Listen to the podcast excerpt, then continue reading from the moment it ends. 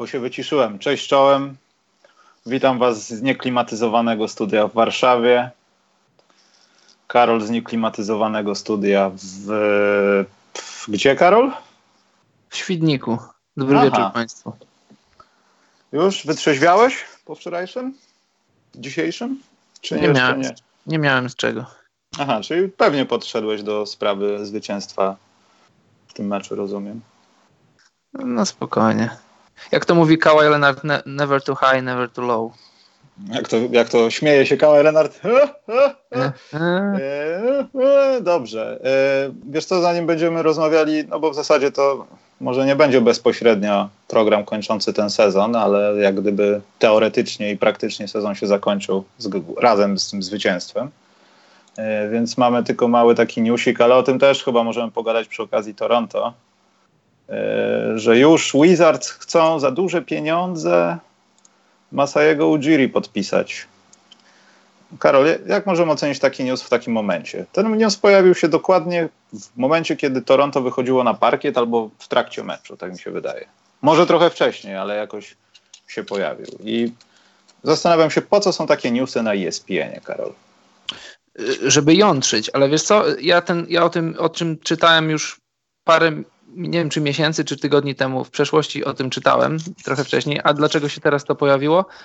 Y, no bo, no bo jeden z drugim dziennikarzyna nie miał o czym pisać. Już o mistrzostwie było napisane na wszystkie strony, no to wyjechał z tym newsem.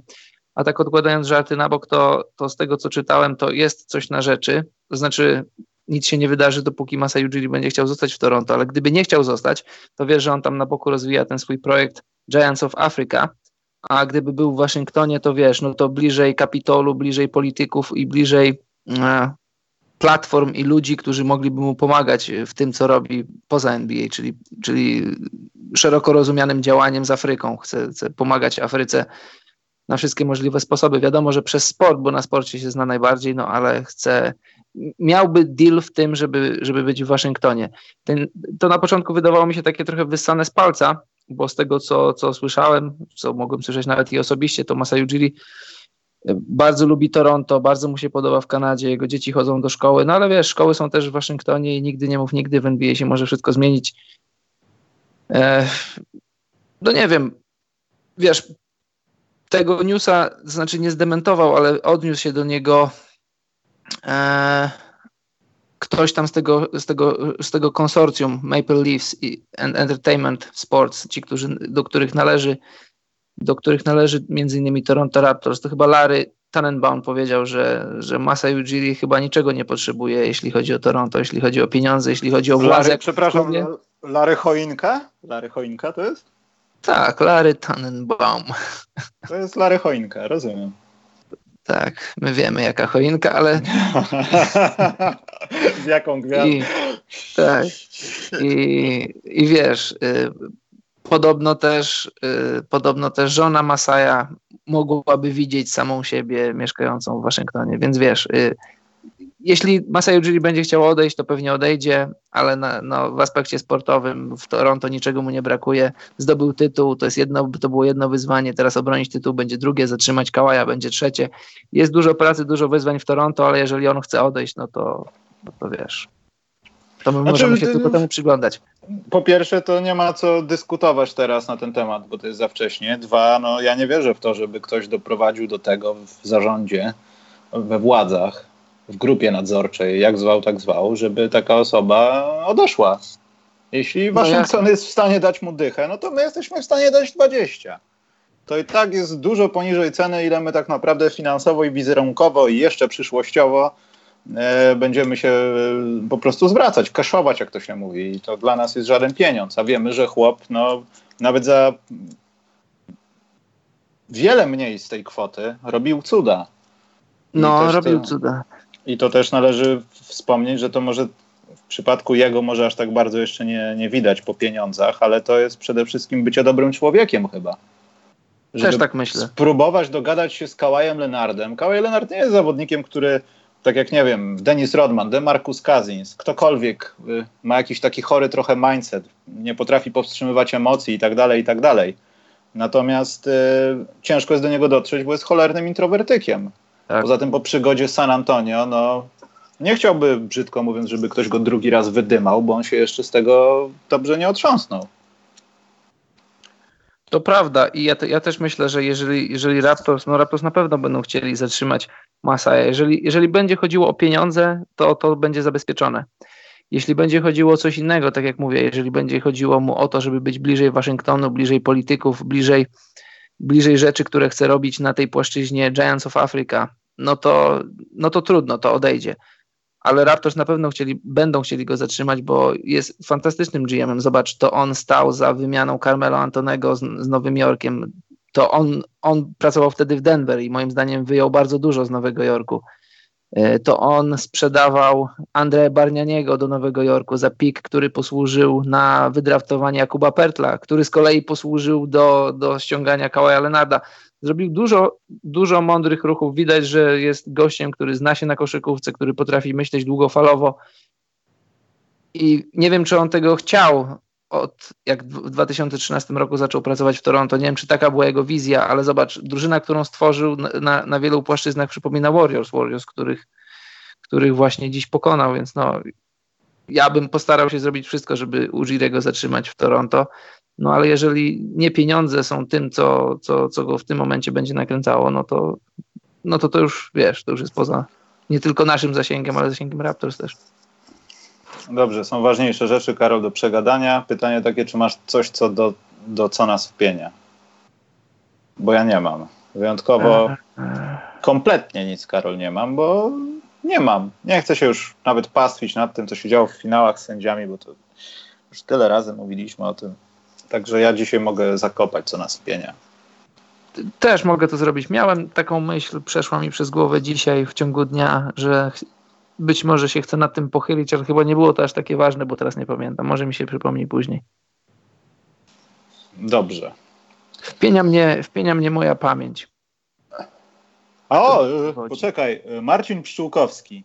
Doris Berg was nie wpienia. Właśnie ja mam, ja mam o. Karol, ty, poczekaj, o. nie, właśnie, stop, stop, stop. Właśnie, chodzi o to, że mnie wpienia Rachel Nichols na przykład. Jest e, taką tak. bardzo atencyjną, kreującą się na Bóg wie kogo dziennikarką, która uważa i całkiem słusznie, bo jakąś siłę przebicia ma na tej stacji, w tej stacji. E, to, co powie, jak ktoś źle, brzydko zrobił, to Rachel Nichols powiedziała i to jest fakt.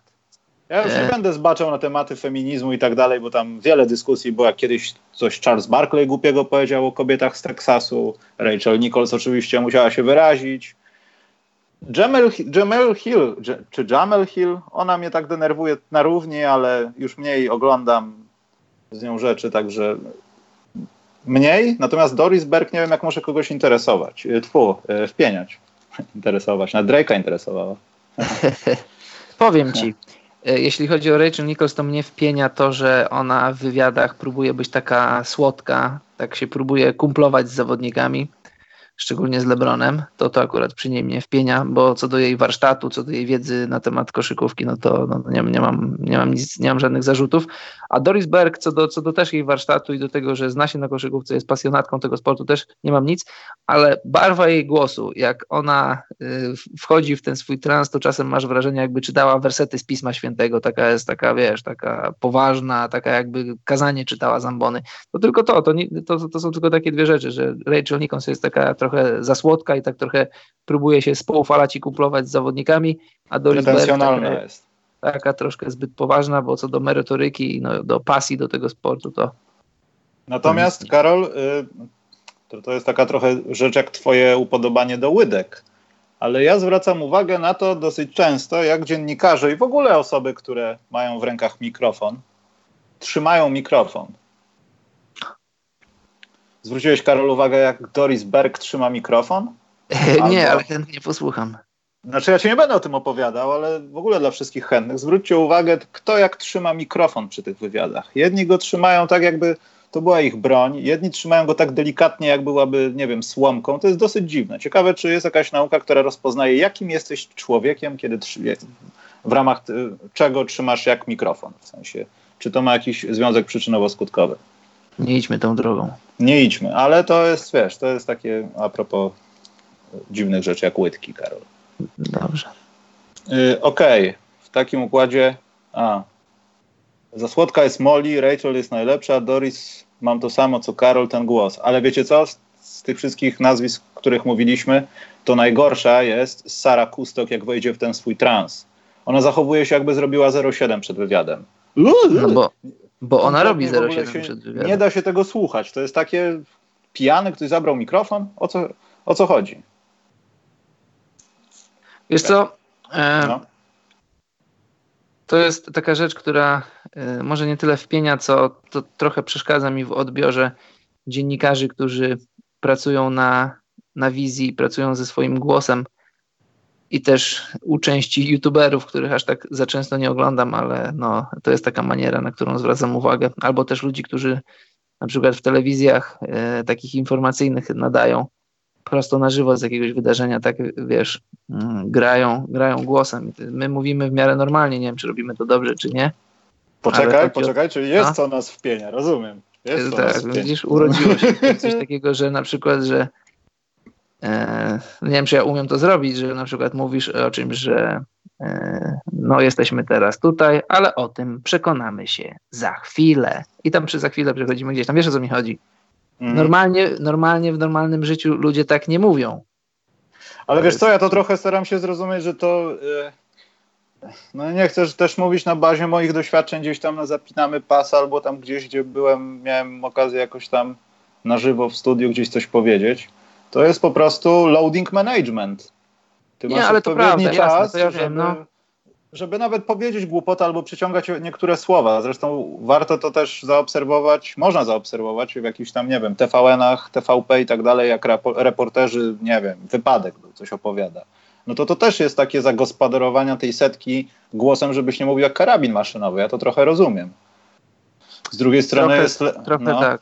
Trochę tak, ale, ale no, to jest taka maniera, taka, bo możesz zdawać relacje i mówić w miarę normalnie i wiadomo, że masz momenty, w których się zastanawiasz, żeby nie strzelać jak karabin, ale to jest taka maniera, którą dziennikarze, i też nie wszyscy, wypracowują sobie z czasem, bo tak mi się wydaje, że w ich odczuciu to jest, y, to jest jakaś oznaka profesjonalizmu. No, w moim nie do końca, bo no bo nie. Okej, okay, przechodzimy do tego działu. Przejdźmy który, gdzie indziej. Który, Karol, wykrakałeś jakiś czas temu. Nie wiem, poczekaj, muszę, muszę przemyśleć, czy przejdzie mi to przez gardło. Toronto Raptors są mistrzami NBA, Karol.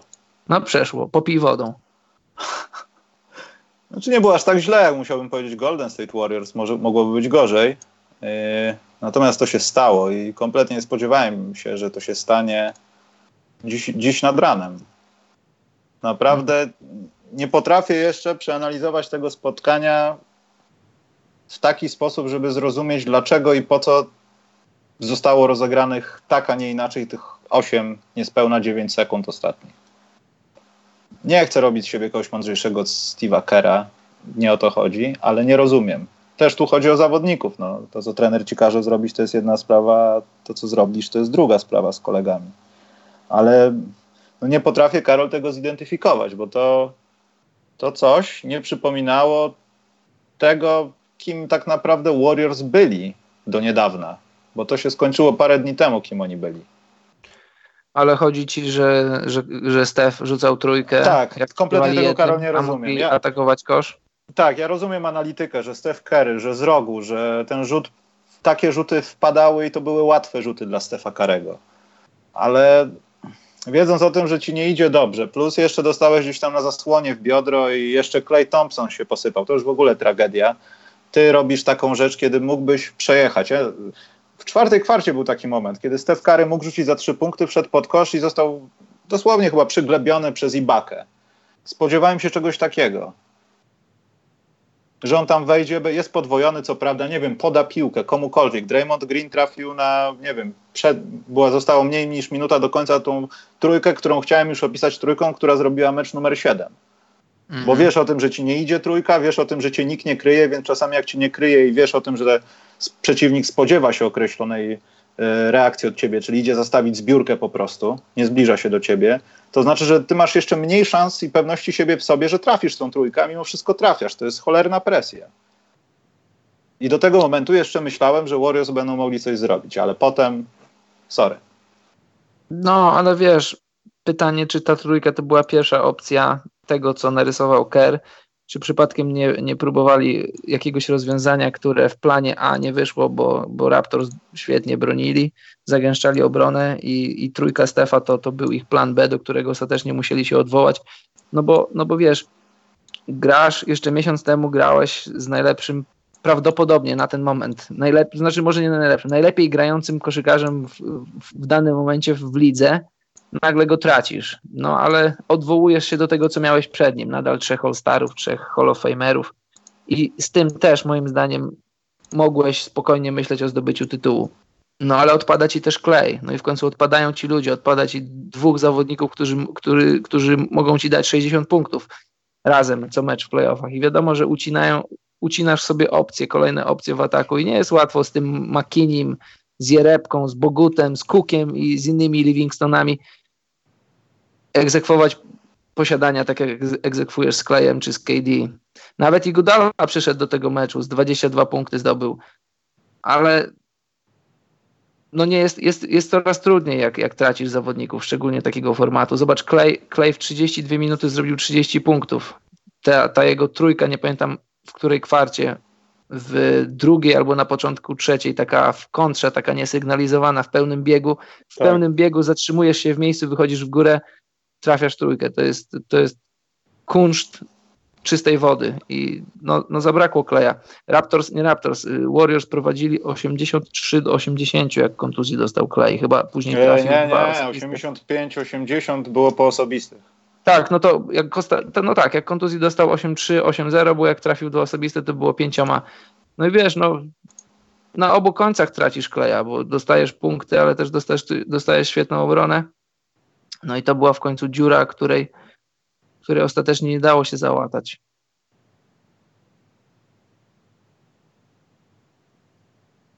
Myślałem, że jeszcze coś. E, dobrze, w takim razie może pytanie dotyczące tego, co dalej z Warriors, to zostawmy sobie na koniec. E, a może zadajemy sobie, Karol, pytanie, co dalej z Raptors w takim razie? Co dalej z Raptors? No podstawowe pytanie brzmi, co zrobi Kawhi? jeśli Kałaj zostanie, no to masz, masz fundament na, na zdobywanie kolejnych mistrzostw, na obronienie tego. Masz fundament na wszystko. To, to, jest, to jest, no chyba nie muszę mówić nikomu, kim jest Clay dla Raptors, kim jest Clay dla koszykówki. Jeśli odejdzie, no to ta drużyna e, zapewne jest drużyną na ósemkę na wschodzie, na playoffy. Jest, jest drużyną taką, jaką była przed przyjściem Kałaja w początkach w pierwszych latach, kiedy DeRozan z nimi grał. Wszystko zaczyna się i kończy od tego, jaką decyzję podejmie Kawhi. Jeśli zostanie, jeśli podejmie decyzję, to pewnie, pewnie zostanie też Gasol. Jeśli to się stanie, to, to być może za mniejsze pieniądze zostanie Danny Green. Danny Green będzie całkowicie wolnym agentem. Mark Gasol ma, ma opcję zawodnika na przyszłe, na przyszłe rozgrywki. Kyle Lowry będzie na schodzącym kontrakcie. To jest taki rok, wydaje mi się, że wiesz, ciężko powiedzieć, jeśli, jeśli Kawhi nie jest przekonany do tego, żeby mieszkać w Toronto na 4 lata czy 5, to myślę, że w jego interesie powinno być. Tak myślę, no bo czy pamiętasz jakąś super gwiazdę, która zdobyła mistrzostwo NBA, MVP finałów, a potem odeszła z własnej woli? No ja sobie nie przypominam. Więc myślę, że no, są silne argumenty ku temu, żeby Kawhi został w Toronto. I jeżeli nie jest przekonany, to niech podpisze coś na kształt 1 plus 1, bo wtedy tak, yy, Kyle Lowry jest na schodzącym kontrakcie, Gasol byłby na schodzącym kontrakcie, Ibaka jest na schodzącym kontrakcie i to jest, mógłby być taki, wiesz, taki szybki ostatni taniec. Zdobyłeś tytuł, spróbujesz go obronić. Jeśli ci się nie uda, to z payrollu schodzą ci praktycznie wszyscy. Zostaje młodzież, zostaje, zostaje Norman Powell, zostaje Oji Anunobi, to wiesz, yy, masz trudną decyzję, znaczy nie jest tak, taka trudna. Będziesz musiał podpisać Pascala Siakama, ale to też dopiero po przyszłym sezonie.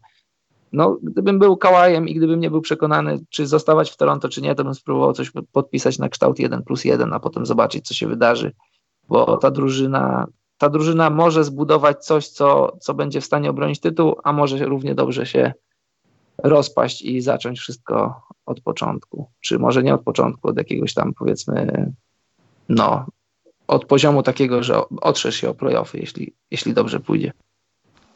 Pomijając, Karol, to, że Raptors no nie, sobie nie pozostawili wyjścia, bo tam pamiętam przed meczem numer 3 czy chyba 4 wyciekła jakaś wypowiedź Kałaja z szatni, że my musimy wygrać kolejne spotkania, nie my wygramy za całe te pieprzone finały. E, I słowa dotrzymał. Żeby to, to zwycięstwo Toronto nie było kolejnym przykładem na to, że możesz coś szybko zbudować, jeśli masz pieniądze i wolę osób, z którymi chcesz to szybko zrobić. Żeby to nie był jednorodny przykład wykorzystania lekkiego takiego bezkrólewia, żeby właśnie król się pojawił teraz i żeby Toronto walczyło jeszcze bo nie wyobrażam sobie sytuacji, że mieliby się co teraz rozpaść, bo Kała jednak stwierdził, że on wraca do domu. Nie wierzę w to. No. Dla mnie to byłoby naprawdę bardzo dziwne. No dla mnie też, ale to nigdy, nigdy nie wiesz, co siedzi w głowie gwiazdy NBA, nigdy nie wiesz, co, co siedzi w głowie tych ludzi, na których on słucha, z których zdaniem się liczy. No wiesz, oglądamy NBA od ponad ćwierć wieku, już nie, nie jedną rzecz widzieliśmy i tak jak ty, ja też ciężko będzie mi wyobrazić sobie z własnej woli odchodzącego Kałaja i budującego, no właśnie co i gdzie. Na Brooklynie, czy, czy w Netsach, czy, czy w Knicksach, czy w Clippersach, czy gdziekolwiek indziej. Budujesz wszystko, no może nie od zera, ale budujesz, budujesz coś, co nie jest pewne, a tutaj masz drużynę, która broni tytułu. No, no, no moim zdaniem i finansowo, i sportowo Kałaj w Toronto może mieć to, czego pragnie. Load management się sprawdził, Podobno Kawhi bardzo pochlebnie wypowiada się o sztabie medycznym Raptors, którzy, którzy tak, e, przez sezon potrafili, bo jak pamiętacie, na początku rozgrywek Kawhi nie wyglądał jak ten Kawhi, którego pamiętaliśmy z San Antonio. To było jak na moje oko jakieś takie 75-80% Kawhi'a.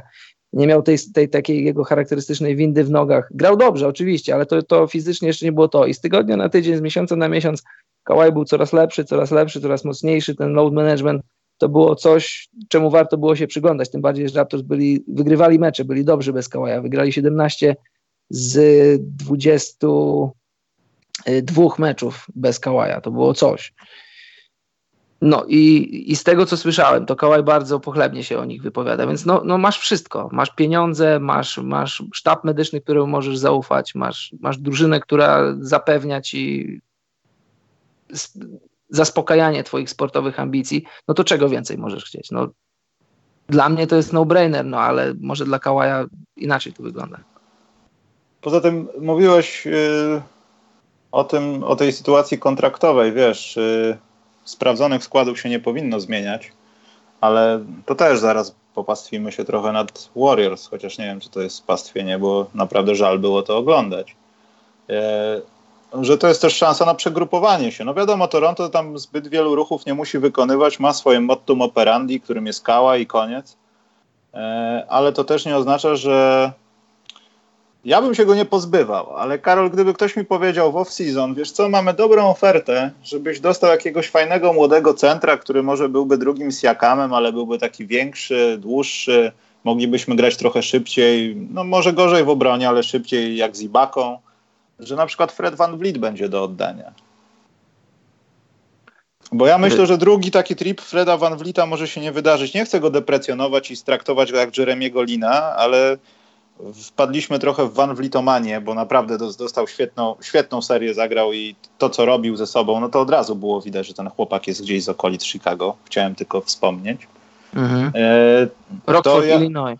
Wiesz, Jonathan Simmons to są może one hit wonders jeśli masz okazję, to możesz się zastanowić, twój skład na tym nie ucierpi, ale może pozyskanie jakiegoś kolejnego gracza, wiesz, taki, do takiej innej koszykówki trochę, albo nawet na tej samej pozycji, niech on tylko rzuca za trzy punkty, żeby, nie wiem, coś tam poprawić też, albo mieć pomoc przynajmniej w tym aspekcie y, większą niż dawał Van Vliet, to myślę, że to mogłoby się opłacać i wcale nie byłoby takim ultra głupim ruchem. Słuchaj, no oczywiście, poza, wiesz, mamy dziesiątkę, może piętnastkę takich ścisłych, najlepszych gwiazd NBA, to są ludzie, wokół, wokół, których budujesz składy, ale cała reszta koszykarzy to są ludzie y, zastępowalni. Fred Van Vliet, jasne, nie ma gwarancji na to, że Fred Van Vliet drugi raz zagra takie playoffy, drugi raz zagra taki finał. Ja to w ogóle, ja to się w ogóle dziwię, że Fred Van Vliet y, zarabia pieniądze, dobre pieniądze i, i że w ogóle jakąkolwiek rolę odgrywa w NBA. Ja już to kiedyś pisałem i zarzucane mi to było, bo jak ja pierwszy raz Freda Van Vlieta zobaczyłem na żywo w Toronto, to wiesz, ja już o tym pisałem, ale to powiem tak szybko, jak masz okazję widzieć koszykarzy NBA na żywo, to to jest wielkie wow. Po pierwsze ich fizyczność, po drugie to, że nawet ten 10, 11 czy 12 zawodnik z ławki trafiają rzuty. Oni, oni wychodzą i trafiają 8 na 10 rzutów za 3 punkty, po czym siadają na ławkę i nawet nie powąchają parkietu w meczu, bo, bo są ludzie o kilka klas od nich lepszych. To, to jest taka rzecz, która uderza cię, jak widzisz zawodników w NBA. Ostatnio obserwowałem Marka Gasola przed drugim meczem, trafił 14 na 17 oddanych trójek i to, to ci otwiera oczy i myślisz sobie, bo czasem porównujesz się do zawodników i myślisz, no 35% to jest 3 na 10, ja trafiam 4 na 10 na Orliku, jak mnie nikt nie kryje i nikt nie patrzy, no to mogę grać w NBA. Nie, to nie tak nie działa. I wracając do Van Vlieta, mnie on y, zadziwił, bo, ale tak negatywnie. Przede wszystkim jest niższy ode mnie, a to jest wielki mój szacunek dla ludzi, którzy są ode mnie niżsi i grają w NBA. Nie jest ich zbyt wielu, ale jak są, to zawsze za to mają szacunek. No ale to, że jest niski, to, że miał, teraz może nie, ale w swoim pierwszym roku w NBA miał trochę nadwagi i że nie trafiał swoich rzutów. On, on tam robił takie drille, bo on w swoim pierwszym roku nie grał za dużo i dosyć, dosyć intensywnie trenował przed meczami. To tak jest, że jak zawodnicy nie grają, to, to intensywniej się rozgrzewają. Nie trafiał, w ogóle nie trafiał swoich rzutów. 2 na 10, 3 na 10, 2 na 10, 3 na 10. Tak, tak, tak trafiał dwa albo trzy rzuty na 10. Niczym, niczym mi nie zaimponował. Ja napisałem coś takiego taką swoją obserwację. Napisałem też kilka razy tak trochę prześmiewczo, że jeśli Fred Van Vliet może grać w NBA, to i ty możesz. I to później mi było zarzucone, tylko nie wiem, co mi było zarzucone, bo taka była moja obserwacja i tak wyglądał Fred Van Vliet.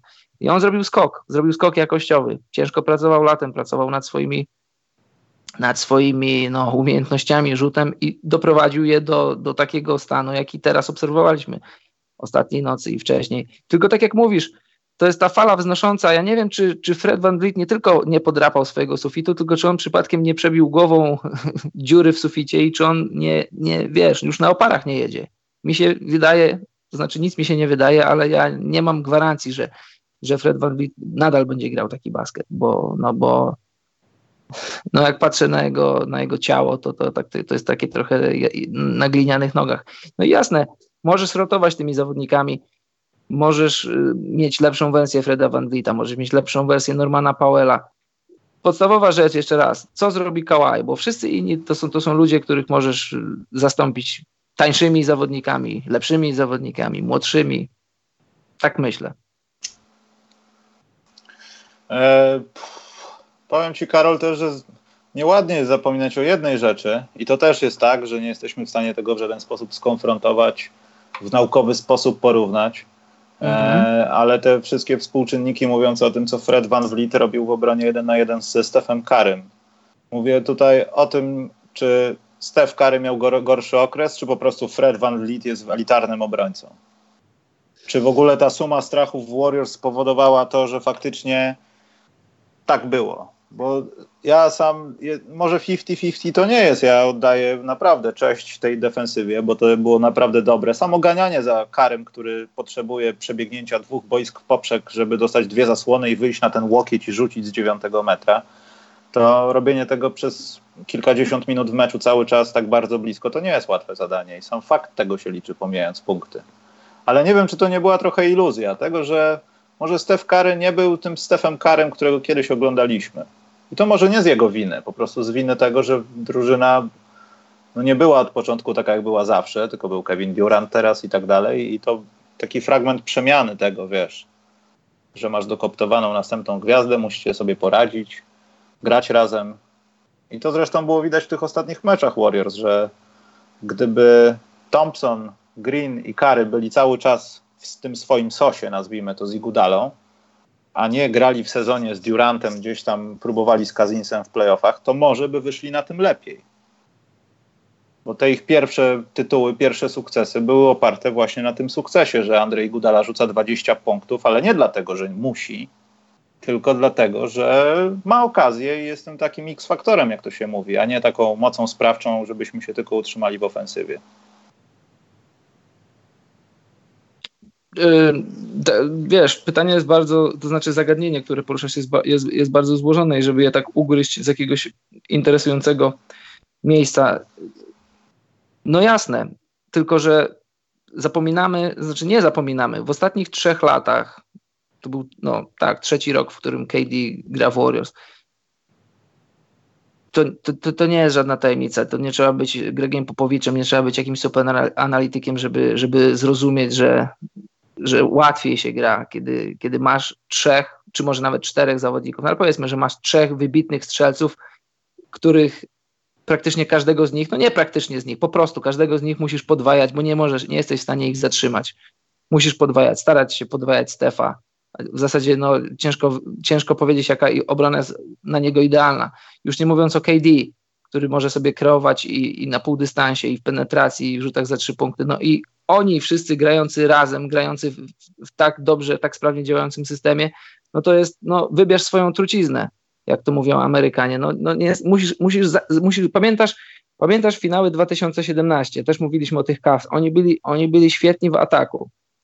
I, i gdyby, gdyby przyszło im grać z drużyną o taką, która nie ma trzech All-Starów, tylko ma dwóch All-Starów, która nie ma, nie ma zawodników powiedzmy y, trzech w top ten, tylko powiedzmy dwóch w top ten, to by się grało całkiem inaczej. No ale tu, tu margines błędu jest taki malutki, że musisz grać perfekcyjny mecz, żeby, żeby być w meczu, a nie żeby go wygrać, bo, bo ostatecznie zobacz, w 2017 roku Warriors wygrali te finały 4 do 1, ale odczucie z parkietu wcale nie było takie jak 4 do 1. Cavs byli, byli lepsi, oni byli w tych meczach, tylko na koniec meczów, ostatecznie na koniec dnia ta przewaga talentu to było coś, czego, czego Cavs nie, nie byli w stanie przejść i, i to jest tak trochę, wiesz co, ja mam, tak, takie mam wyobrażenie takie, że jak e, mieszkasz sobie mieszkasz sobie z rodzicami, jesteś już dorosły i wiesz, umiesz ugotować sobie, umiesz sobie posprzątać, ale jak mieszkasz z rodzicami, to ci mama sprząta, pierze i robi różne rzeczy, a nagle mama wyjeżdża na wakacje i ty musisz nagle przypomnieć sobie, jak wrzucić naczynia do zmywarki, jak, jak nastawić program w pralce. Umiesz te rzeczy robić, tylko dawno ich nie robiłeś. To jest tak samo z Warriors. KD, KD był taką mamą, która robiła wiele rzeczy, która łatała wiele dziur, która była łącznikiem tych różnych formacji. Nagle zabrakło KD i oni wszyscy musieli sobie przypomnieć, jak to jest grać bez KD. Oni cały czas byli kontenderem. Gdyby, gdyby wiesz, gdyby nie, gdyby nie zdrowie Kleja, gdyby nie kilka niefortunnych zdarzeń, to, to być może Warriors wygraliby te finały. Gdyby nie przewaga własnego parkietu, ja uważam, że Warriors byli cały czas w grze i, i naprawdę detale zadecydowały o tym, że, że Raptors wygrali. E, dobrze, skoro już tak rozgadaliśmy się o Warriors, no to e, no Clay ACL, to co, 12 no, miesięcy? Myślę, że mniej. ACL w dzisiejszych czasach to jest powiedzmy Ale tak, 6... żeby go zobaczyć na parkiecie, tam nam wejdzie jakiś, wiesz, mecz gwiazd po drodze, czas nie grania, no to skróćmy to do 10. No poczekaj, e, no, tak, tak, się wstępnie mówi, jeżeli, jeżeli, jest, jeżeli zerwanie więzadła krzyżowego przedniego jest takie tak zwane czyste, bez uszkodzenia łąkotki i innych rzeczy wokół, no to jest tak od pół roku do dziewięciu miesięcy. No to jeżeli teraz mamy, jeżeli teraz mamy połowę czerwca, dodać sześć, no to mielibyśmy końcówkę, połowę grudnia. Dodajmy do tego jeszcze z dwa miesiące, no to tak powiedzmy luty, marzec. Po All-Starze, no. No po All-Starze, kurczę, szkoda, jest to tak mi szkoda kleja, taka, taka niby niby niegroźna sytuacja. A właśnie, co mnie wpienia? E, kolejna rzecz, co mnie wpienia, bo trochę sobie poczytałem internetu, może niepotrzebnie, bo to akurat nie takiego, nie tej części internetu, której której bym chciał i pożądał. No co ty, to na froncie czytałeś newsy NBA? tak, tak, na froncie czytałem, że, że ludzie, ludzie mają jakiś problem z tym, że Daniel Green zagrał brzydko i, i to przez to Clay dostał kontuzji. No ludzie. No to absolutnie nie przez to. Przecież to jest człowieku, to jest absurd. Jeśli ktoś kiedykolwiek grał w koszykówkę, ten wie, że Green nie zrobił niczego. To, to, to, nawet nie było, wiesz, to nawet nie było sytuacja, w której idziesz do monitora i patrzysz, czy tam nie było flagrant faulu. To, był, to była zwykła próba zablokowania rzutu. Zresztą, zresztą, zresztą Draymond Green, jak tylko, jak tylko e, Clay położył się na parkiecie, kiedy było już wiadomo, że coś się dzieje, to podszedł do niego cały czas, no. Stał cały czas, a później jak już Clay wrócił i stawał na linię, to jeszcze raz podszedł i go przeprosił. Jeśli ktoś uważa, że, te, że, że to było brudne zagranie, to, no to musi zredefiniować swoją wiedzę na temat koszykówki, no bo no ludzie. To a propos tego, powiem Ci Karol, może to akurat mnie tak bardzo nie dotknęło, nie wiem, nie miałem zerwanego ACL, ale też troszeczkę Ech, nie chcę znowu powiedzieć czegoś złego, Karol, ale nie przeceniajmy tego, że Clay Thompson poszedł jednak z tego korytarza rzucić osobiste. Kiedy Aha. dzieją się czas, często takie kontuzje, ja nie mówię, że wiesz, skręcisz kostkę, nie rozwiązuj buta, jeszcze możesz pobiegać, to często trzyma cię adrenalina i nawet nie czujesz tego bólu. I, mhm. ja wcale nie, nie twierdzę, że on to zrobił, żeby. Bo też spotkałem się z takimi głosami, ale to już ze strony kibiców Toronto. Widziałem w mhm. internecie polskim nawet, że on tam przyaktorzył, bo on przecież zaraz potem jedno posiadanie zagrał i tak dalej. Nie, gwarantuję, brzydko mówiąc, po prostu go napierdzielało strasznie, ale adrenalina i sam fakt tego, że no wiesz, że coś jest nie tak, ale jesteś w takim trochę amoku i szoku, że nie wiesz, gdzie jesteś, bo ten ból i to wszystko, wiesz, że to zaraz się źle skończy na jakimś prześwietleniu i o kulach tak. opuścisz halę, to jeszcze cię trzyma przy życiu, wiesz, to są takie, no nie wiem, matka podnosi tir, pod którym leży jej dziecko, wiesz, to są takie momenty, kiedy dajesz siebie ze swojego Jasne. organizmu, a kompletnie tego nawet byś nie chciał, tylko po prostu, a, okej, okay, skoro idę do szatni, to dajcie sobie rzucę dwa. Tak, to jest, to jest jedna sprawa, adrenalina i, i wiesz, no, bycie w ferworze walki, trochę twój, twój stopień odporności na ból jest większy, ale ludzie, którzy piszą takie rzeczy, no po prostu wykazują się tak zwanym januszostwem z dziedziny koszykówki. Ja akurat, no ja też odpukać ACL-a nigdy nie zerwałem, mam nadzieję, że nigdy tego nie zrobię, ale no niestety z, z doświadczenia moich bliskich znajomych wiem jak to jest i i, I, prawda na temat zerwanego acela jest taka, że on aż tak bardzo nie boli. To znaczy jest to ból, ale to nie jest ból taki, że, że, że płaczesz i, i zagryzasz zęby. Znaczy na początku jest, czuję, że coś jest nie tak, tak, w kolanie, ale potem jak zaczyna zbierać opuchlizna, sztywnieje ci noga, Jasne. to jest koniec. Jasne. A druga rzecz jest taka, że jak, jeśli więzadło krzyżowe przednie jest zerwane, tak jak powiedziałem wcześniej, czysto, to nawet możesz z tym, z tym biegać do przodu i do tyłu, bo, bo, bo więzadło krzyżowe przednie jego zadanie jest takie, żeby stabilizować twoje kolano, żeby, żeby ono nie, nie, nie wychodziło wo, poza obręb zakresu ruchu, jaki może wykonywać.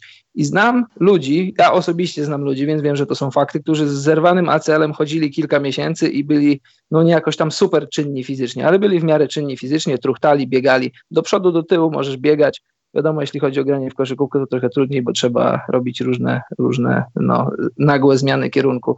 Więc to, co zrobił Clay, to nie było nic nadzwyczajnego i nie było nic heroicznego, znaczy nic nie, ujmu, nie ujmuje Clayowi, ujmuje ludziom, którzy komentują, że to nie było nic wielkiego, bo, bo nie powinien był tak się zachować. Z zerwanym ACL-em takie rzeczy się robi.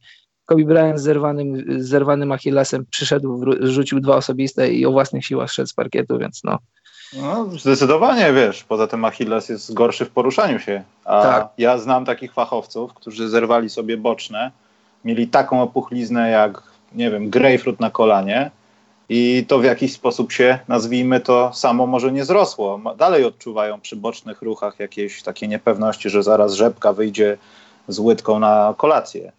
Yy, ale nie byli u żadnego lekarza na przykład, przetrwali ten ból, wiesz, to jest głupota, nie? Ale tak jak powiedziałeś, no zależnie od skali tego zniszczenia, tak się czujesz. To nie jest tak, że nagle musisz trafić na wózek. Zresztą to było widać, on wyszedł o kulach. No, potem jak usiadł, y, przebadano go, czas minął, to kolano na pewno przypominało coś w rodzaju większej pomarańczy. Nie było widać rzepki i tych wszystkich rzeczy, które ci wystają, jak masz zgięte kolano. No. Ale dobrze, yy, mamy to. No i mamy Kevina Duranta, który przez 12 miesięcy, tło, przez cały sezon E, nie pojawi się na parkietach NBA. No i Toronto wykonali straszną robotę, ale wykosili trzech najlepszych, z najlepszej, dwóch najlepszych z najlepszej powiedzmy trójki wolnych agentów tego, tego lata, no, nazwijmy to. I no. tak myślę, Karol, kto teraz Kevinowi Durantowi zaufa? Czy to będą Warriors, którzy będą chcieli, żeby Bob Myers w końcu przestał pić alkohol i płakał i żeby wszystko było w porządku? No Czy... będzie tak jak... No, dokończ. Czy po prostu no, nie będzie żadnej miłości i Kevin Durant stwierdzi, dobra, no to ja sobie w Nowym Jorku na przykład rozbiegam, rozchodzę, zrehabilituję tą nogę i już się nie widzimy. No i, no i też takie tutaj e, było wcześniej, mówiłem w programie poprzednim, pytanie od patrona, jak to się skończy dla względów dynastii Warriors. No. Bo ja trochę myślę, że ta dynastia może potrwać. To się nie musi do końca rozpaść, ale może jest faktycznie szansa, że to może potrwać. Może będzie tak, jak żartowałem w ostatnim podcaście. Bob Myers płakał, jak podpisywał. Co do KD, e, KD ma 30 lat, na jesieni będzie miał 31, jeśli się nie mylę, zaraz to sobie sprawdzę. E, I to jest trochę, to jest trochę szachów i matematyki teraz tym, co, co robisz z KD. E, z tego, co czytamy, to drużyny, które chciały mieć KD w swoim składzie, nie zrażają się tą kontuzją aż tak bardzo. to jest dewastacyjna kontuzja. To jest kontuzja, po której historycznie zawodnicy nie wracają do, do 100% zdrowia. Ale pytanie, czy jeśli teraz KD jest powiedzmy top 2, top 3 w NBA, jeśli straci 20% swojej mobilności, to prawdopodobnie, tak mi się wydaje, nadal będzie zawodnikiem top 10, nadal będzie zawodnikiem na 25, 4, 6 punktów, coś, coś w ten desen, tak mi się wydaje. Więc nadal jest to materiał na, na gracza max deal. Więc czy Warriors chcą go mieć w swoim składzie, czy stać ich na to, czy, czy mogą pozwolić sobie na to, żeby odejść, żeby odszedł wolno, bo pamiętajmy, że KD ma teraz opcję zawodnika za 31 milionów w Warriors, więc jeżeli Warriors sami z siebie nie będą chcieli go zatrzymać, bo mają dużo znaków zapytania co do tej kontuzji, no to KD może powiedzieć, mam was gdzieś, wykorzystuję opcję w swoim kontrakcie, a co będzie za rok, to zobaczymy. Postawię na samego siebie, tak jak Fred Van Vliet stawia na samego siebie i za rok jako stuprocentowo wolny agent będę negocjował z kimś, ale już nie z wami.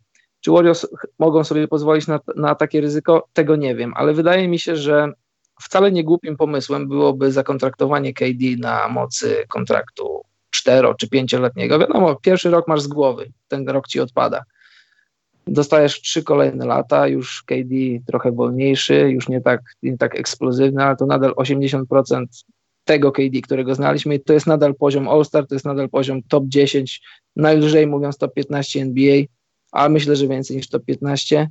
To jest nadal 25 punktów na mecz. I, bo wiesz, nawet, nawet KD taki za, za 10 lat, taki jak, jak sam Perkins, będzie mógł stawać w, w rogu i, i, rzucać trójki i nadal będzie groźny, ale myślę, że te, po kontuzji jeszcze te, przez te 3-4 kolejne lata będzie, będzie już, będzie nadal wielkim koszykarzem. Więc no, bardzo ciekawa decyzja do podjęcia prze, przez Majersa. Ja bym się wcale nie zdziwił, gdyby nadal KD dostał maksymalny kontrakt, propozycję maksymalnego kontraktu, czy, czy z Warriors, czy skądkolwiek inąd. No wiadomo, musi, ten rok pierwszy spisujesz na straty, ale za to masz, masz no nie wiem, czy masz gwarancję, no bo nie możemy mówić o gwarancji przy no Ale Karol, ale no. z drugiej strony masz tak, no Durant jest na opcji zawodnika, Clay Thompson jest po prostu wolnym agentem.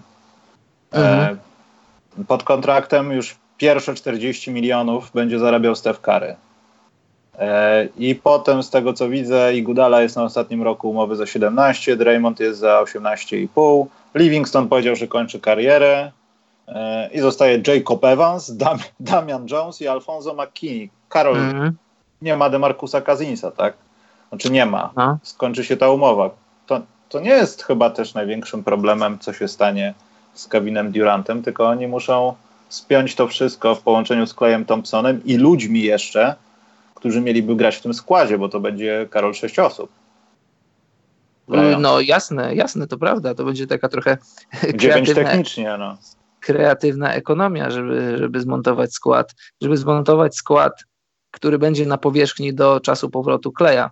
Bo wiesz, co do, co do Kleja, to ja raczej nie mam wątpliwości. To jest, to jest ACL. W dzisiejszych czasach ACL to, to nie jest wyrok robisz dobrze operację, odbudowujesz więzadło, wzmacniasz wszystkie mięśnie dookoła i, i wracasz jak, jak nowonarodzony. Znaczy, no może nie jak nowonarodzony, ale jesteś w stanie wrócić do 100%. Ja pamiętam, by, kiedy to było? Yy, dwa lata temu w, me, w, Toronto właśnie rozmawiałem z Tonym Allenem. Tony Allen, pamiętasz co? Zerwał sobie acela, bo po gwizdku już próbował wsadzić piłkę, on tak się tak. sam zablokował obręcz i zerwał sobie acela. No, to no, trochę, był.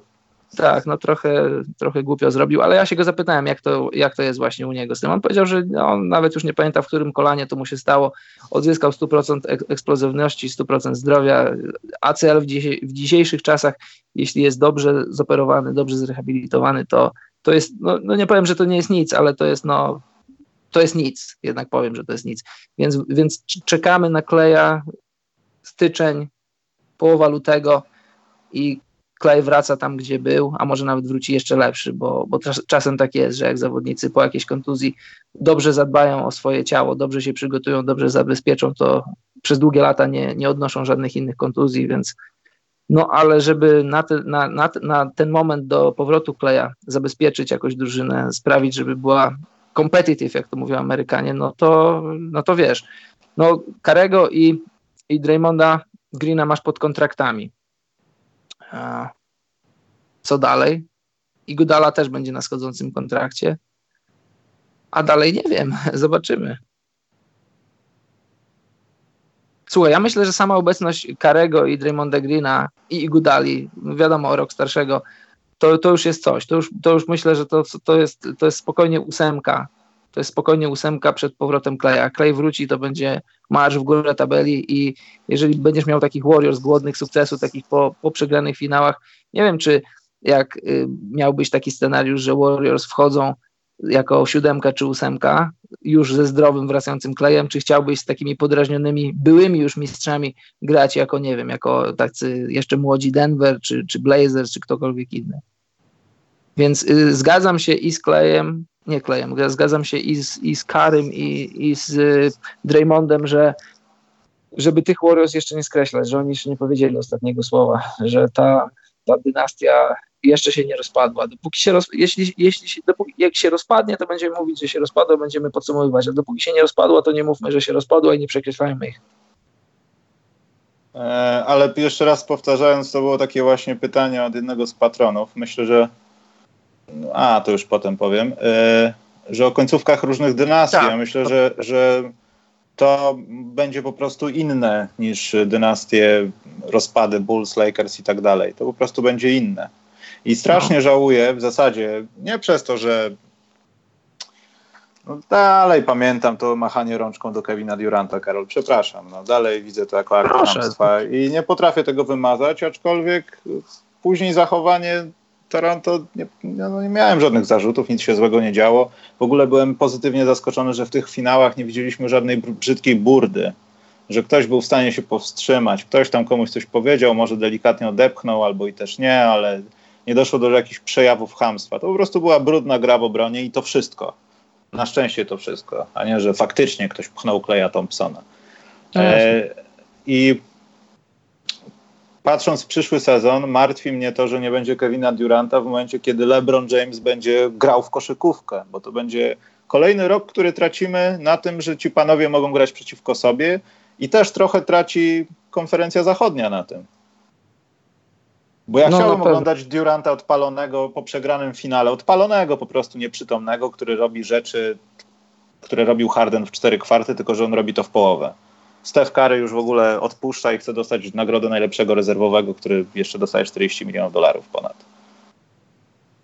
Chciałbym to zobaczyć, ale nie zobaczę. I gdzieś była taka statystyka na Twitterze, że ludzie, którzy są po ACL-u, e, nie, pamię- nie chcę skłamać, ale chyba nawet jeśli są wysoko w punktach na posiadanie, to schodzą poniżej średniej 1,05, a to oznacza w ogóle już taki regres, jeśli nawet jesteś w delikatnym prime.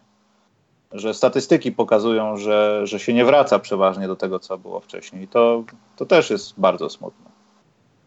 Tak mi się wydaje. Szkoda. A, ale wiesz, ja jakoś... Bo nie, Karol, ja chciałbym ja wiem, zobaczyć. Ja, ja, ja wiem, ja wiem, że to jest utopia, ale Chris Bosch, wiesz, Dwayne, Dwayne Wade może już teraz tak, do widzenia, no ale oni kończą razem, walczą jeszcze w jakiś sposób przeciwko sobie, a tutaj znowu się dzieje jakiś taki syf, który nie, kompletnie do porównań żadnych znowu nie będzie pasował, jak będziemy za kilka lat porównywali Duranta i jego wielkość ewentualną, wiesz, to jest, wkurza mnie to.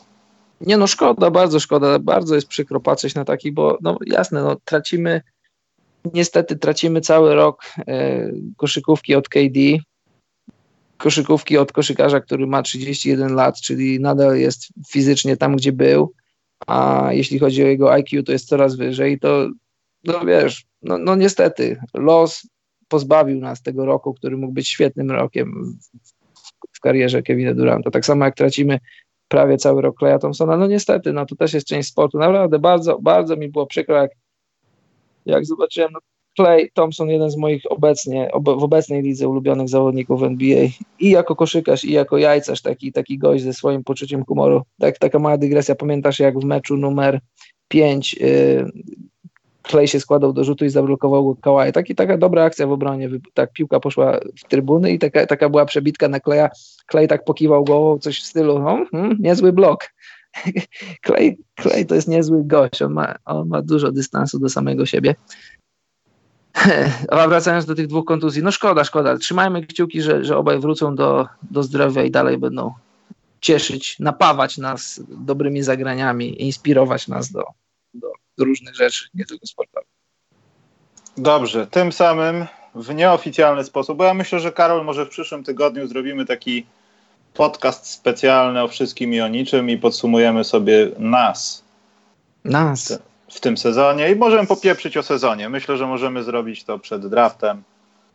Pogadamy też o patronach, zrobimy coś dla nich, może, może wymyślimy jakieś dzwonionko do nas kiedyś. Kto to wie? Może w poniedziałek, może nie.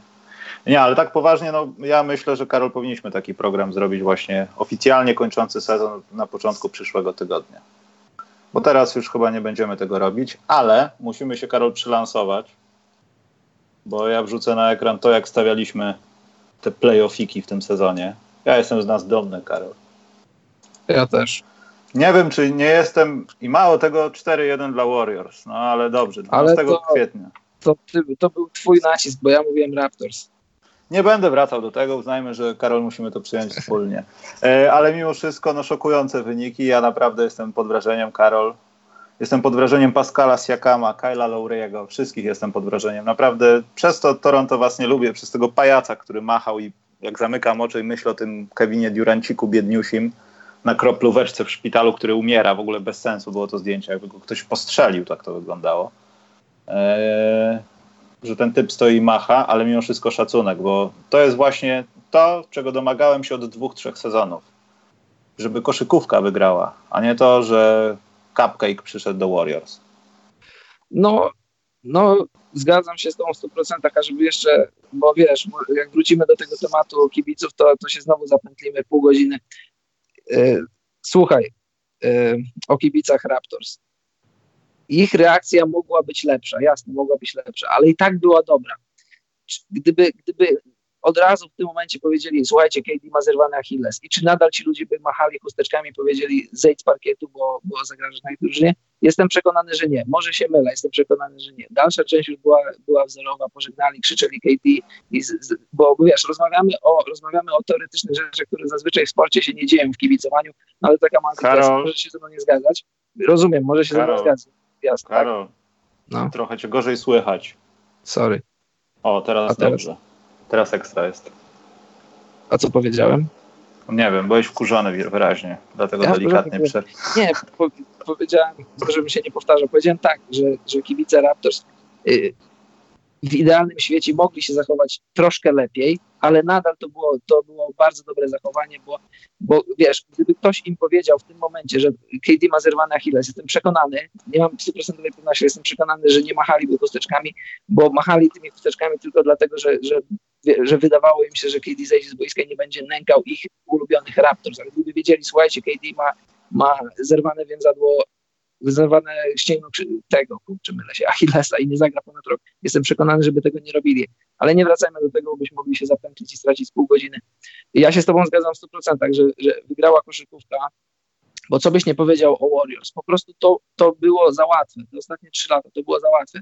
Drużyna Cavs w 2.18 była niezła, w 2.17 była była świetna, po prostu świetna. Kto inny by, by nie stanął na, na, na ich drodze, to myślę, że Cavs by to wygrali to po prostu przestało przypominać, przypominać to, za co lubimy NBA. To, to, to, ten element rywalizacji, że nie wiesz, kto wygra. Tutaj wiesz, kto wygra. Te, te, ostatnie trzy sezony to były, to były sezony do wygrania dla Warriors. Tam mogły się zdarzyć tylko kontuzje, które się nie zdarzały w ostatnich dwóch latach, a zdarzyły się teraz w 2019 roku. Choć ja nadal myślę, że gdyby, gdyby KD grał, to, to Raptors też mieliby szansę zdobyć ten tytuł. Czy by go zdobyli, nie wiem, pewnie nie, byłoby dużo trudniej ale to byłby niezły, niezły matchup dla Kałaja, niezłe wyzwanie dla Kałaja na obu końcach parkietu.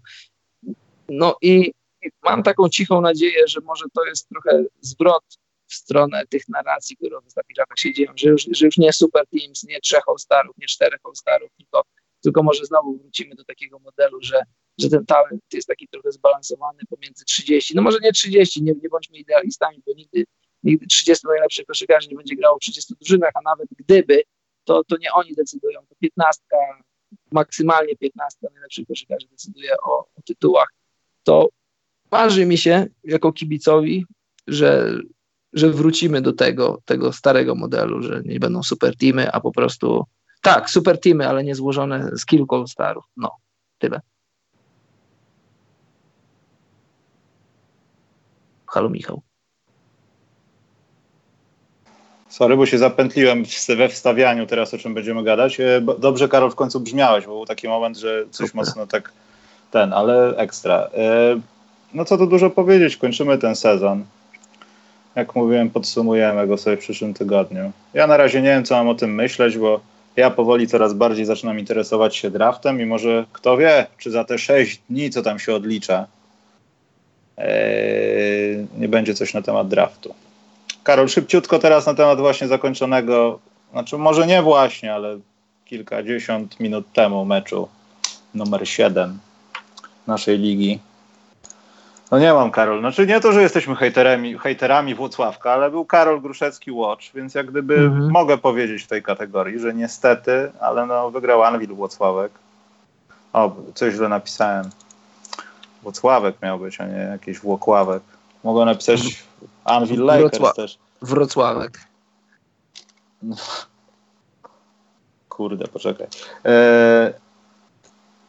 Karol zagrał za trzy punkty dzisiaj bardzo dobrze, 3 na 5, ale mm. niestety sam Karol nie był. No to był dosyć łatwy mecz, ponieważ no trzy kwarty, nie chcę powiedzieć terroru, ale plus 7, plus 3, plus znowuż 7, E, w trzech pierwszych kwartach. Anvil po prostu chyba się zawziął na tym wszystkim, musiał wygrać. No zresztą się nie dziwię.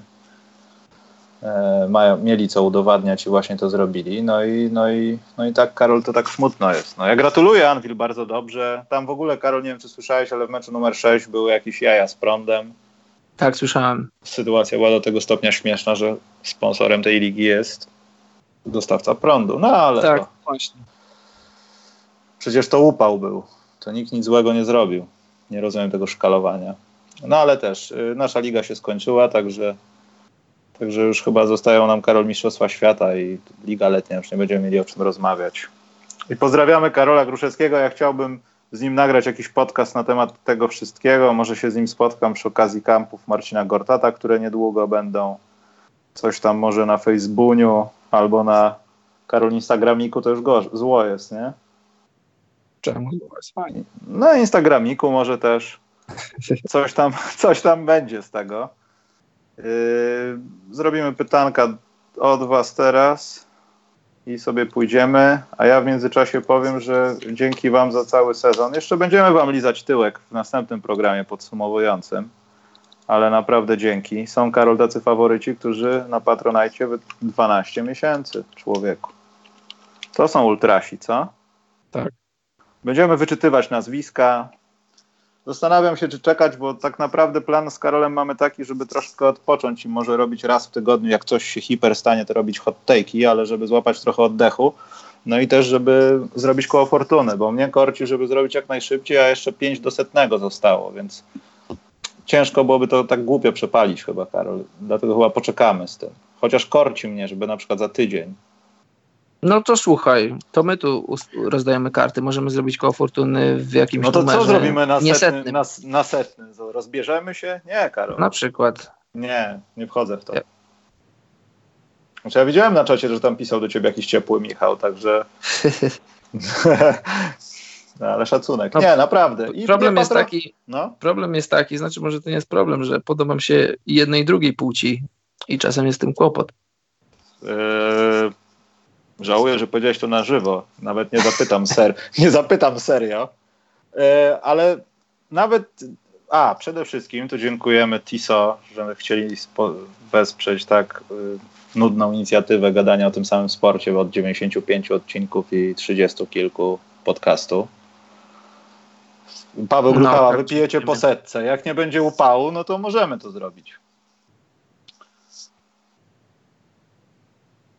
Także tego, poczekaj, bo się zaczytałem, bo pytania jakieś były. E, mhm. Naprawdę TISO dał radę, żeby nas wspierać. Ja na przykład mam dekiel mistrzowski, teraz założyłem. Trudno, niech stracę. Będę chodził, Karol, ze znaczkiem Toronto przez jakiś czas.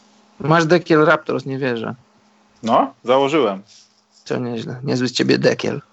No nie, no i stwierdziłem, że założę, będę nosił ten mistrza, logo mistrzów. No jeśli by wygrali Warriors, to trochę lipa. Musiałbym jeszcze się zakleić taśmą klejącą, ale bym musiał nosić, no trudno. A tak, no Toronto. Ale wracam do Atlanty, bo jednak jest najładniejsza, Karol. Nie pamiętam, teraz nie mam przy sobie. Zostawiłem w domu. Ładnie się wpisuje w to kółko, podoba mi się, bo nie wszystkie te loga się dobrze wpisują w kółko. Nie wszystkie i... są fajne. Dallas mi się podobał. Boston. Znaczy nie, Karol, no nie, no nie to, że źle reklamujemy naszą kochaną markę TISO, tylko nie, po prostu one są, to jest wina one, pro, projektantów logotypu. Nie, no jasne. No. One są wszystkie zrobione z najwyższej próby, ale no same logotypy, no to już kluby odpowiadają za to, co, co tam mają mieć zrobione. No to niektóre mogą nam się podobać i nie, ale co do ich jakości to nie mamy nic. I też o tym będziemy mówili za tydzień, ale dziękujemy wszystkim tym, którzy nas obrażali. Nikt nas nie obrażał. Obrażali nas, Karol, obrażali nas trochę. Troszeczkę. No ale to wiesz, to świadczy o nich, nie o nas. Nie, to świadczy o tym, że ktoś tego słucha, Karol, bo nie może być cały czas tak, że jest dobrze wszystko. Nie, no jasne, oczywiście. Konstruktywna krytyka pomaga iść do przodu. Oczywiście. Dobrze, pytanka są, Karol. No, słucham. To może nie jest pytanko, ale takie stwierdzonko. Darek Mirosławski takie stwierdzonko spowił. Idąc tym tokiem, że to winny kontuzji Tom, Thompsona jest Dany Green, można by stwierdzić, że Ibaka za mocno broni Duranta, dlatego ten doznał urazy. No na przykład. To są dwie różne sytuacje, nie? Mimo wszystko Thompson miał coś wspólnego z danym Greenem w powietrzu, natomiast to, co się wydarzyło z jego kolanem, no to jest ewidentnie to, w jaki sposób wylądował. Tam nikt mu nie no. pomógł wylądować. To nie był kałaj, kałaj na Luneju. Ja to do no. dzisiaj oglądam czasami, przecież to teleportacja. Gość stoi, tak, nie ma chłopa jak... dwumetrowego. Tak. Tir go jak, jak z azjatyckich kreskówek pokazywałem no. koledze parę dni temu, to nie mógł uwierzyć, no bo to tak fizycznie ciężko to sobie wyobrazić, że taki duży chłopek Kevin nie odpada od, no, Kałaj też jest potężnym gościem, ale jednak mniejszym od, od No. no. Nieprawdopodobna siła Kałaja. Draymond by nie poleciał. Raczej nie. w ciemno. E, Darek też czysto teoretycznie, gdyby Kałaj i LBJ mieli ważne kontrakty w swoich klubach, czy wymiana Lebrona z Lenarda miałaby sens? Myślę, że miałaby dla tej osoby, która przyjmuje Lenarda, zależnie od tego, co trzeba oddać w zamian jeszcze dodatkowo. Bo LeBron chyba się już trochę nie opłaca, no. Pomówmy się. No wiesz co, no to załóżmy, że, że LeBron jest w Lakersach tak jak jest, Kawhi jest w Toronto tak jak jest i robimy wymianę. Czy, czy Raptors z LeBronem zdobyliby tytuł teraz przeciwko Warriors? Czy byliby lepszą drużyną albo tak samo dobrą? Mam co do tego wątpliwości, bo o ile wyobrażam sobie, że flow w ataku mógłby być lepszy z LeBronem, jego wizja parkietu, podania i różne rzeczy, o tyle LeBron chowa się w obronie już od przynajmniej 3-4 lat, to tam na pewno by nie pomógł, a też jego, styl jego gry w ataku. Wiele rzeczy musiały być ułożonych pod LeBrona. Z tym żyjesz, z tym umierasz. Kawhi gra trochę w inny sposób. Kawhi przez długie minuty potrafi się wyłączyć, potrafi grać drugie skrzypce, czy nawet trzecie. Często są takie sekwencje, że przez kilka posiadań nawet Kawhi nie dotyka piłki w ataku i nie ma z tym problemu. Jest ok. W grze LeBrona tak nie jest, więc myślę, że na ten moment to nie byłoby y, mam, mam duże wątpliwości, czy Raptors zdobyliby tytuł w tym momencie z, z, z taką wersją Lebrona. A co zrobili? Ale Karol, no? też z drugiej tak? strony, no co, jak ja w tym sezonie tego nie widzieliśmy, albo widzieliśmy, nie wiem, ja pamiętam jeden, dwa razy w sezonie regularnym, może gdzieś tam bliżej pierwszej połowy, że kiedy LeBron jest, powiedzmy, tak jak powiedziałeś, Kałaj w tej pozycji, kiedy, no, mówiąc tak, yy, po, wiesz, powiedz coś po marketingowemu, to po trenerowemu, to mhm. jest po prostu w bolu i jego funkcją główną czasami jest po prostu stać i imitować, że coś się dzieje, bo zaraz coś się może stać. Chociaż też w finałach mało tego widzieliśmy, no bo gdzieś tam zasłonka poszła, gdzieś tam sobie pobiegł po prostu, żeby pobiec, albo się poruszał w trójkącie, żeby zamienić się z kolesiem i pójść do rogu. Takie małe coś, to nawet setnie jest. E, no, tylko, Le LeBron robi tak, takie no. rzeczy, kiedy się brzydko mówiąc wkurzy. Tak, i, no ale to jest różnica. Gorzej. Tak, jasne. LeBron nie lubi grać w, w bolu i w bolu gra jak się wkurzy, i to, ale to wtedy widać. Jego mowa ciała jest taka, że on, on, on nie przyjmie piłki, nawet jak będzie w jego stronę leciała. On ma focha i on w danej akcji nie uczestniczy, to wtedy grasz czterech na pięciu. Ale gdybym stanął przed ofertą jeden na jeden, oczywiście, żebym wziął Lenarda, jakbym miał oddać Lebrona. No wiesz, młodszy, zdrowszy. Myślę, że na ten moment taki ogólny skillset wszystkiego jeszcze LeBron jest lepszy w wielu aspektach gry. Ale biorąc pod uwagę to, że Kawhi ma lat 26 lub 7 i w koszykówkę pogra jeszcze z 8, to nie mam gwarancji, że LeBron pogra jeszcze 8 lat w koszykówkę na takim poziomie. Nie, ta, no nie. Teraz jest Kawaj, Kawaj będzie jeszcze z, z lat 5 i w, w, każdym roku będzie, będzie lepszy, będzie dokładał coś do swojej gry. Ja mam wrażenie, że Kałaj dopiero zaczął. Bo to może jest. być ten, ten moment, że wiesz co, y, tam co się działo w San Antonio, sentymenty, złe wspomnienia jakieś, coś jakieś, no nie do końca wszystko poszło tak, jakby ewentualnie wszyscy chcieli to załatwić w spokojowy sposób, nazwijmy to w pokojowy sposób, ale też mi się wydaje, że dla Kałaja w końcu to było takie nowe doświadczenie, że ja jestem tym Kałajem, a nie jestem w tym systemie Popowicza, który trochę czasami musiał w Kałaju sprawiać wrażenie, nawet już potem, kiedy już było wiadomo, że Kałaj to jest Kałaj i tam nikt nie będzie starał się, nie wiem, podkopywać jego pozycji, no bo wszystko było widoczne, po prostu widoczne, no kim jest Kałaj. I teraz on jest sam dla siebie, wiesz, tak jak powiedział Durant, jestem Kevinem Durantem. On teraz mógł naprawdę uwierzyć w siebie. To Bo wiesz, granie w systemie Pupowicza przez lata się mówiło, co będzie z Lenardem, kiedy wyjdzie z systemu. Przecież on robi takie, a nie inne rzeczy. Ja też zadawałem to pytanie. Tak. I jak się okazuje, wszedł do para innego systemu ludzi, którzy grają tak jak on. Są silni, popchną tira, jak będą mieli ochotę i robią wszystko w pomalowanym, a przede wszystkim nie boją się pobrudzić. Nie bawią się w jakieś łatwe trujeczki, jakieś takie pieprzenie. Tak jak Marcin Gortat powiedział, no, no, no ludzie, no. Wchodzi się pod kosz i króciutko jest. No i jak widzimy, chociaż też no, Kałaj miał psychopatyczne jordanowskie rzuty, kiedy sobie biegł, nagle stawał jak tyczka i sobie po prostu rzucał czysto z nadgarstka z piątego metra. To była masakra. No to prawda, ja też myślę, że, że Kałaj może być dużo lepszy. Tak jak ci inni wielcy koszykarze przed nim, Larry Bird, Michael Jordan i inni gracze, z roku na rok przynosili coś do swojej gry, a jest jeszcze tyle miejsca w grze Kałaja. Może mieć lepszy kozioł, może mieć lepsze podanie, może mieć. On, on często on ma tych asyst, tam powiedzmy trzy czy cztery, ale nie widzę Karol, dlaczego mieć pięć czy sześciu asyst. Znowu pudełko masz chyba, mi się wydaje. Kurczę, muszę myśleć outside the box. eee, pytanie, ponoć Kyrie Irving jest zdecydowany na Brooklyn. Co wy na to? Nets w top 4 wschodu z Irvingiem? Nie. I, ja myślę, że Nets stać na więcej niż na Kyriego Irvinga. A to, co tam mówią na The Athletic i może nie należy się tym zbytnio sugerować, ale myślę, że oni jeszcze nie zrobili jakiejś brzydkiej rzeczy tam. Że jednak to Bias Harris tam się już dogadał wcześniej troszkę i on się tam pojawi w drużynie. Ja nie chcę twierdzić, że to jedno wyklucza drugie i jak jest to Bias Harris, to już nie trzeba Irvinga. Ale ja nie wiem, czy do końca w net Kyrie Irving byłby potrzebny.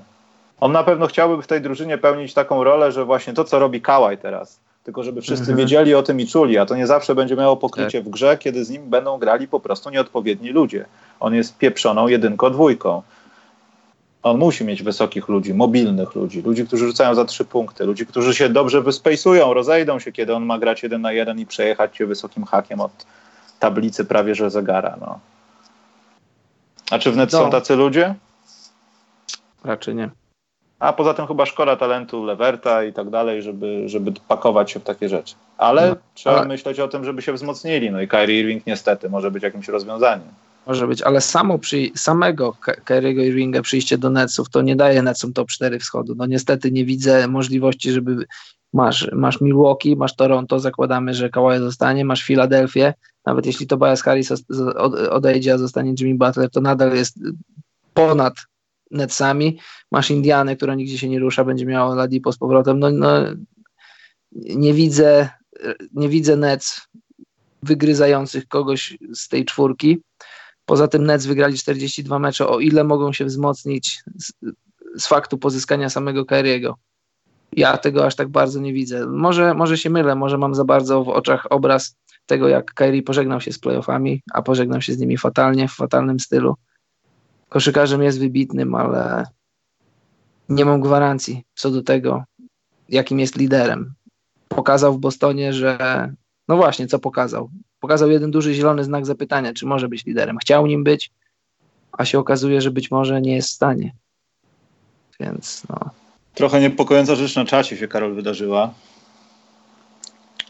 Bo Paweł Gruchała napisał, czy planujemy wspólny wyjazd do USA na mecz jakiś, a pod spodem ciepły Michał wysłał buziaka. nie planujemy, eee, dlatego że nie my, jesteśmy, my, jesteśmy jak, my jesteśmy jak Polański i Rywin, nie mamy wjazdu do Stanów.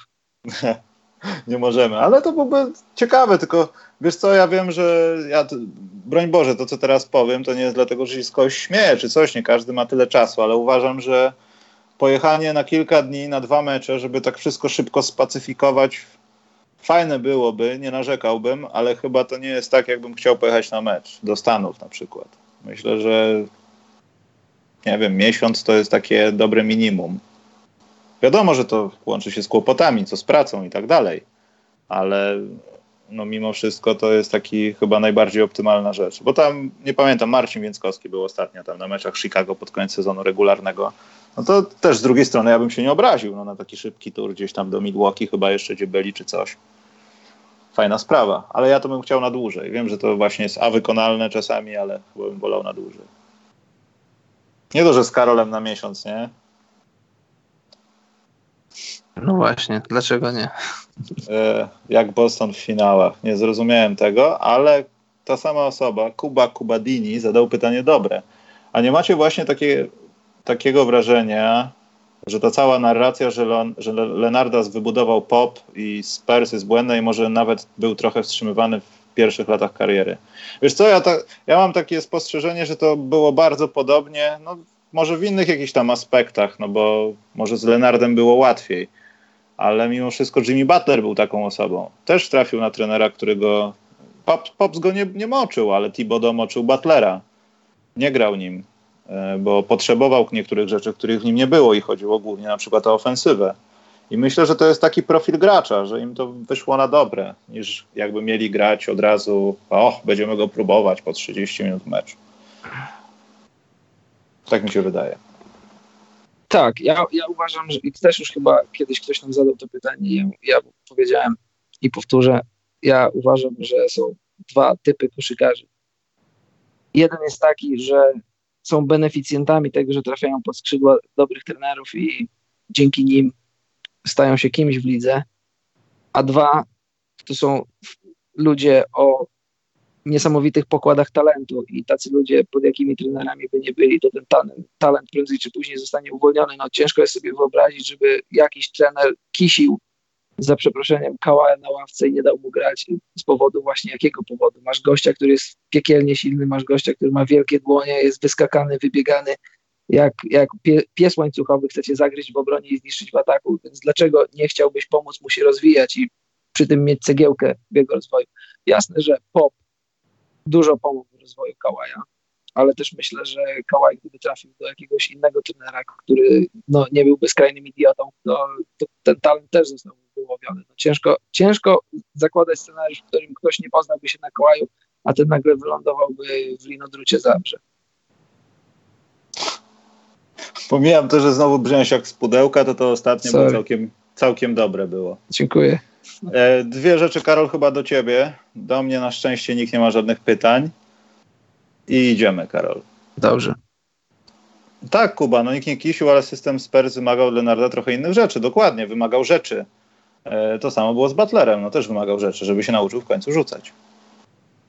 No właśnie, wymagał rzeczy i te rzeczy w ogólnym rozrachunku mogły mu się opłacić, ale też jest pytanie, no koszykówka to nie jest budowa, budowa rakiet. Jasne, koszykówka jest złożonym sportem, jest sportem, który musisz rozwijać na wielu płaszczyznach, ale pytanie, czy droga, jaką obrali Spurs do tego, żeby rozwijać Kałaja, to jest droga jedyna, ostateczna i nieomylna, czy są inne, czy byłyby inne sposoby do tego, żeby Kałaj przychodzący do ligi był kałajem takim, jak teraz jest dziś. Ja myślę, że, że ta druga wersja, że, że na różne sposoby możesz rozwijać talent.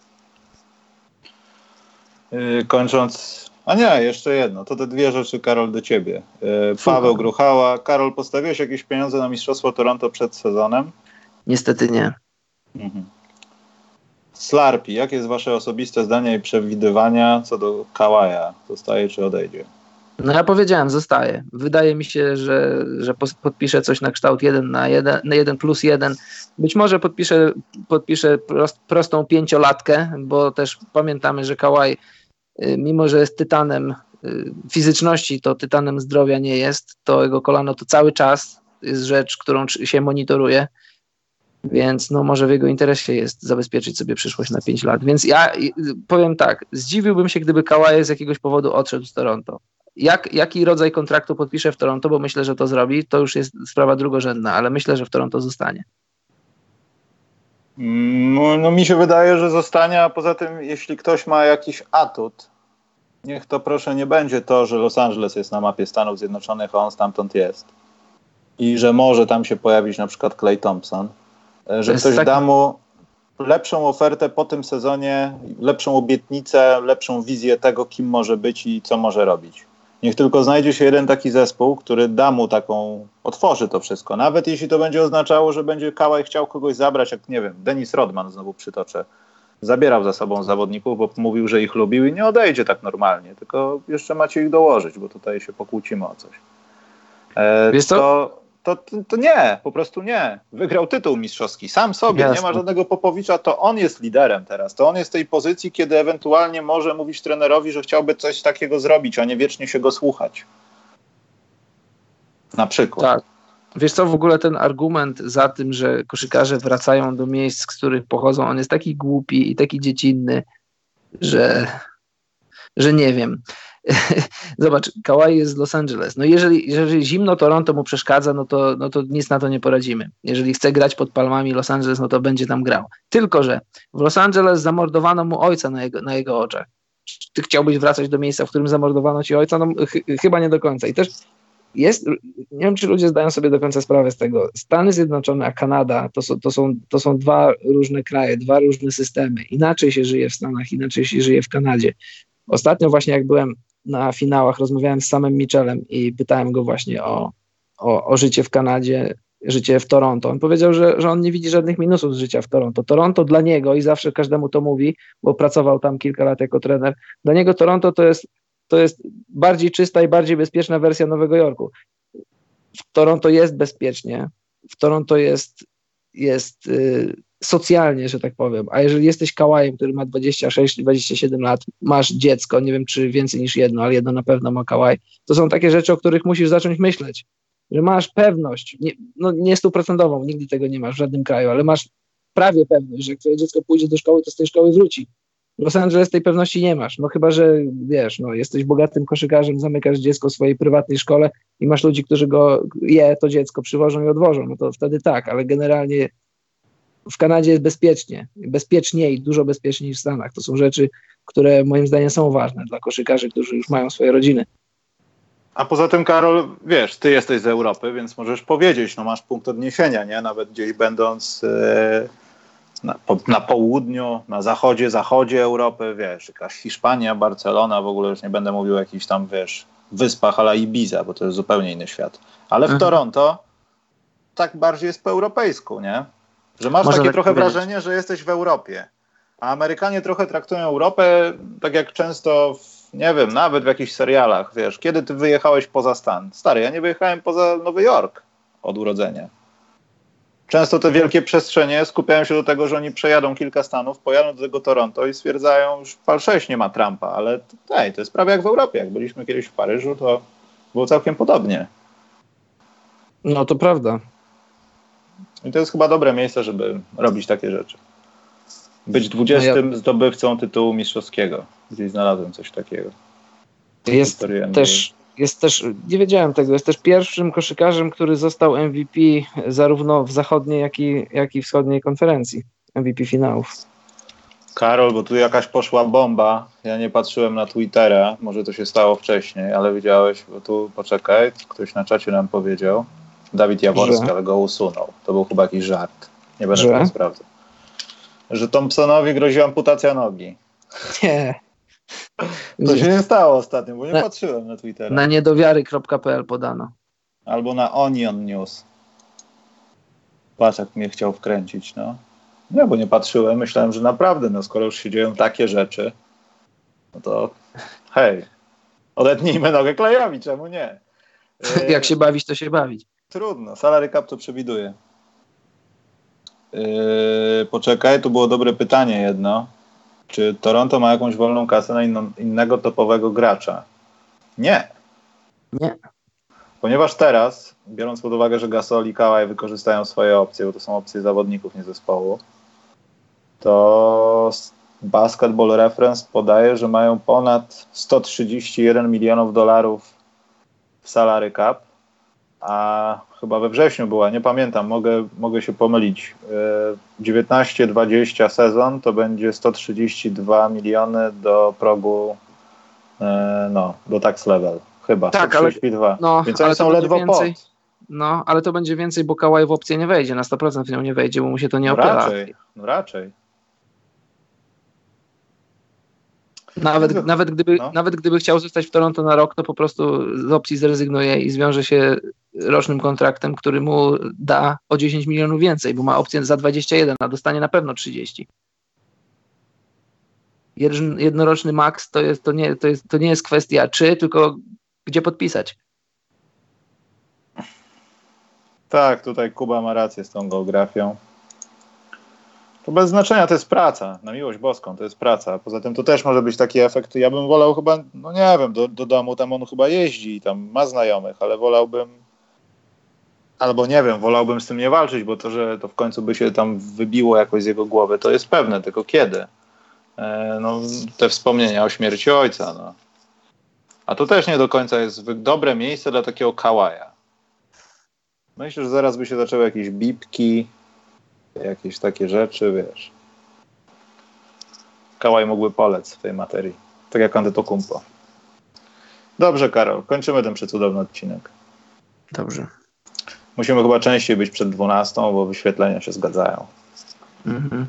Wiesz, w takich upałach można tylko sobie odpalić YouTube i słuchać, oddać się słuchaniu. Do poniedziałku, Karol, konkurs wymyśliłem teraz. Mhm. To będzie taki żartobliwy konkurs.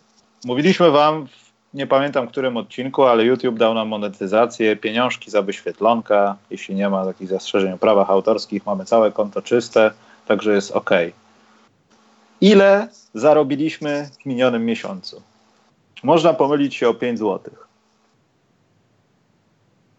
No nieźle. Chcesz Sam jestem udział? ciekaw. Sam jestem ciekaw. Tylko, że z groszami. Konkurs jest trudny, bo z groszami że na przykład no 11,58. Kto będzie, o 5 zł można się pomylić, w nagrodę, Karol, nie wiem, książka Reja Elena. Tylko, że do poniedziałku, jak nie będzie odpowiedzi, to nie ma konkursu, to jest koniec konkursu jest. A to teraz czekasz na odpowiedzi? Żeby ci... Nie, nie, ogólnie tylko mówię, żeby było na taśmie, ludzie to odsłuchają i jak ktoś będzie miał fart i odsłucha tego do niedzieli i na przykład Dobrze. zgadnie, to, to wygra książkę. W komentarzach niech ludzie W komentarzach podają. można, na Twitterze można, wszystko można, wszędzie. Dobrze, Karol, uciekamy. Dobrze. W takim układzie y, wpadajcie jeszcze na nasze y, różne tutaj strony, patronite, donate, bo mimo wszystko nie będziemy umierać w off-seasonie. Może z tym draftem za 6 dni coś wymyślimy też. Ale udamy się na większy urlop. Ale o tym więcej w poniedziałek może myślę. Albo we wtorek, nie wiem, zobaczymy. Musimy zrobić load management, bo to jest rzecz, która Load management, ale to nie znaczy, że nie wchodzimy w off-season na siłkę, jak Jokic, już jesteśmy w off-seasonie. Dla mnie skończył się sezon, zaczęliśmy 19-20 właśnie teraz, jak pokazuje mój zegarek. Muszę odetchnąć, możesz dokończyć. Więc, yy, więc tak. Chrono XL NBA Collector, nie, który ma nie zaskoczy. z 30 klubów. Nie teraz, teraz nie ten. nie no, ten przecież wiadomo, że... No już powiedziałem. No dobrze, mili Państwo, dziękujemy za dziś. Życzymy Wam miłego weekendu spędzonego bezpiecznie, przede wszystkim bezpiecznie. Jak wchodzicie do zimnej wody, to nie na podwójnym gazie. No chyba, I że bardzo Potrafiąc sprawa. pływać. Tak, jak umiecie pływać, to, to brawura, przede wszystkim brawura i alkohol zabijają ludzi. Ludzi w Polsce ty, to nie tyle ludzi, że to jest szok. Statystyki są szokujące. No ale nieważne. Dziękujemy za dziś i dobranoc, mieli ludzie.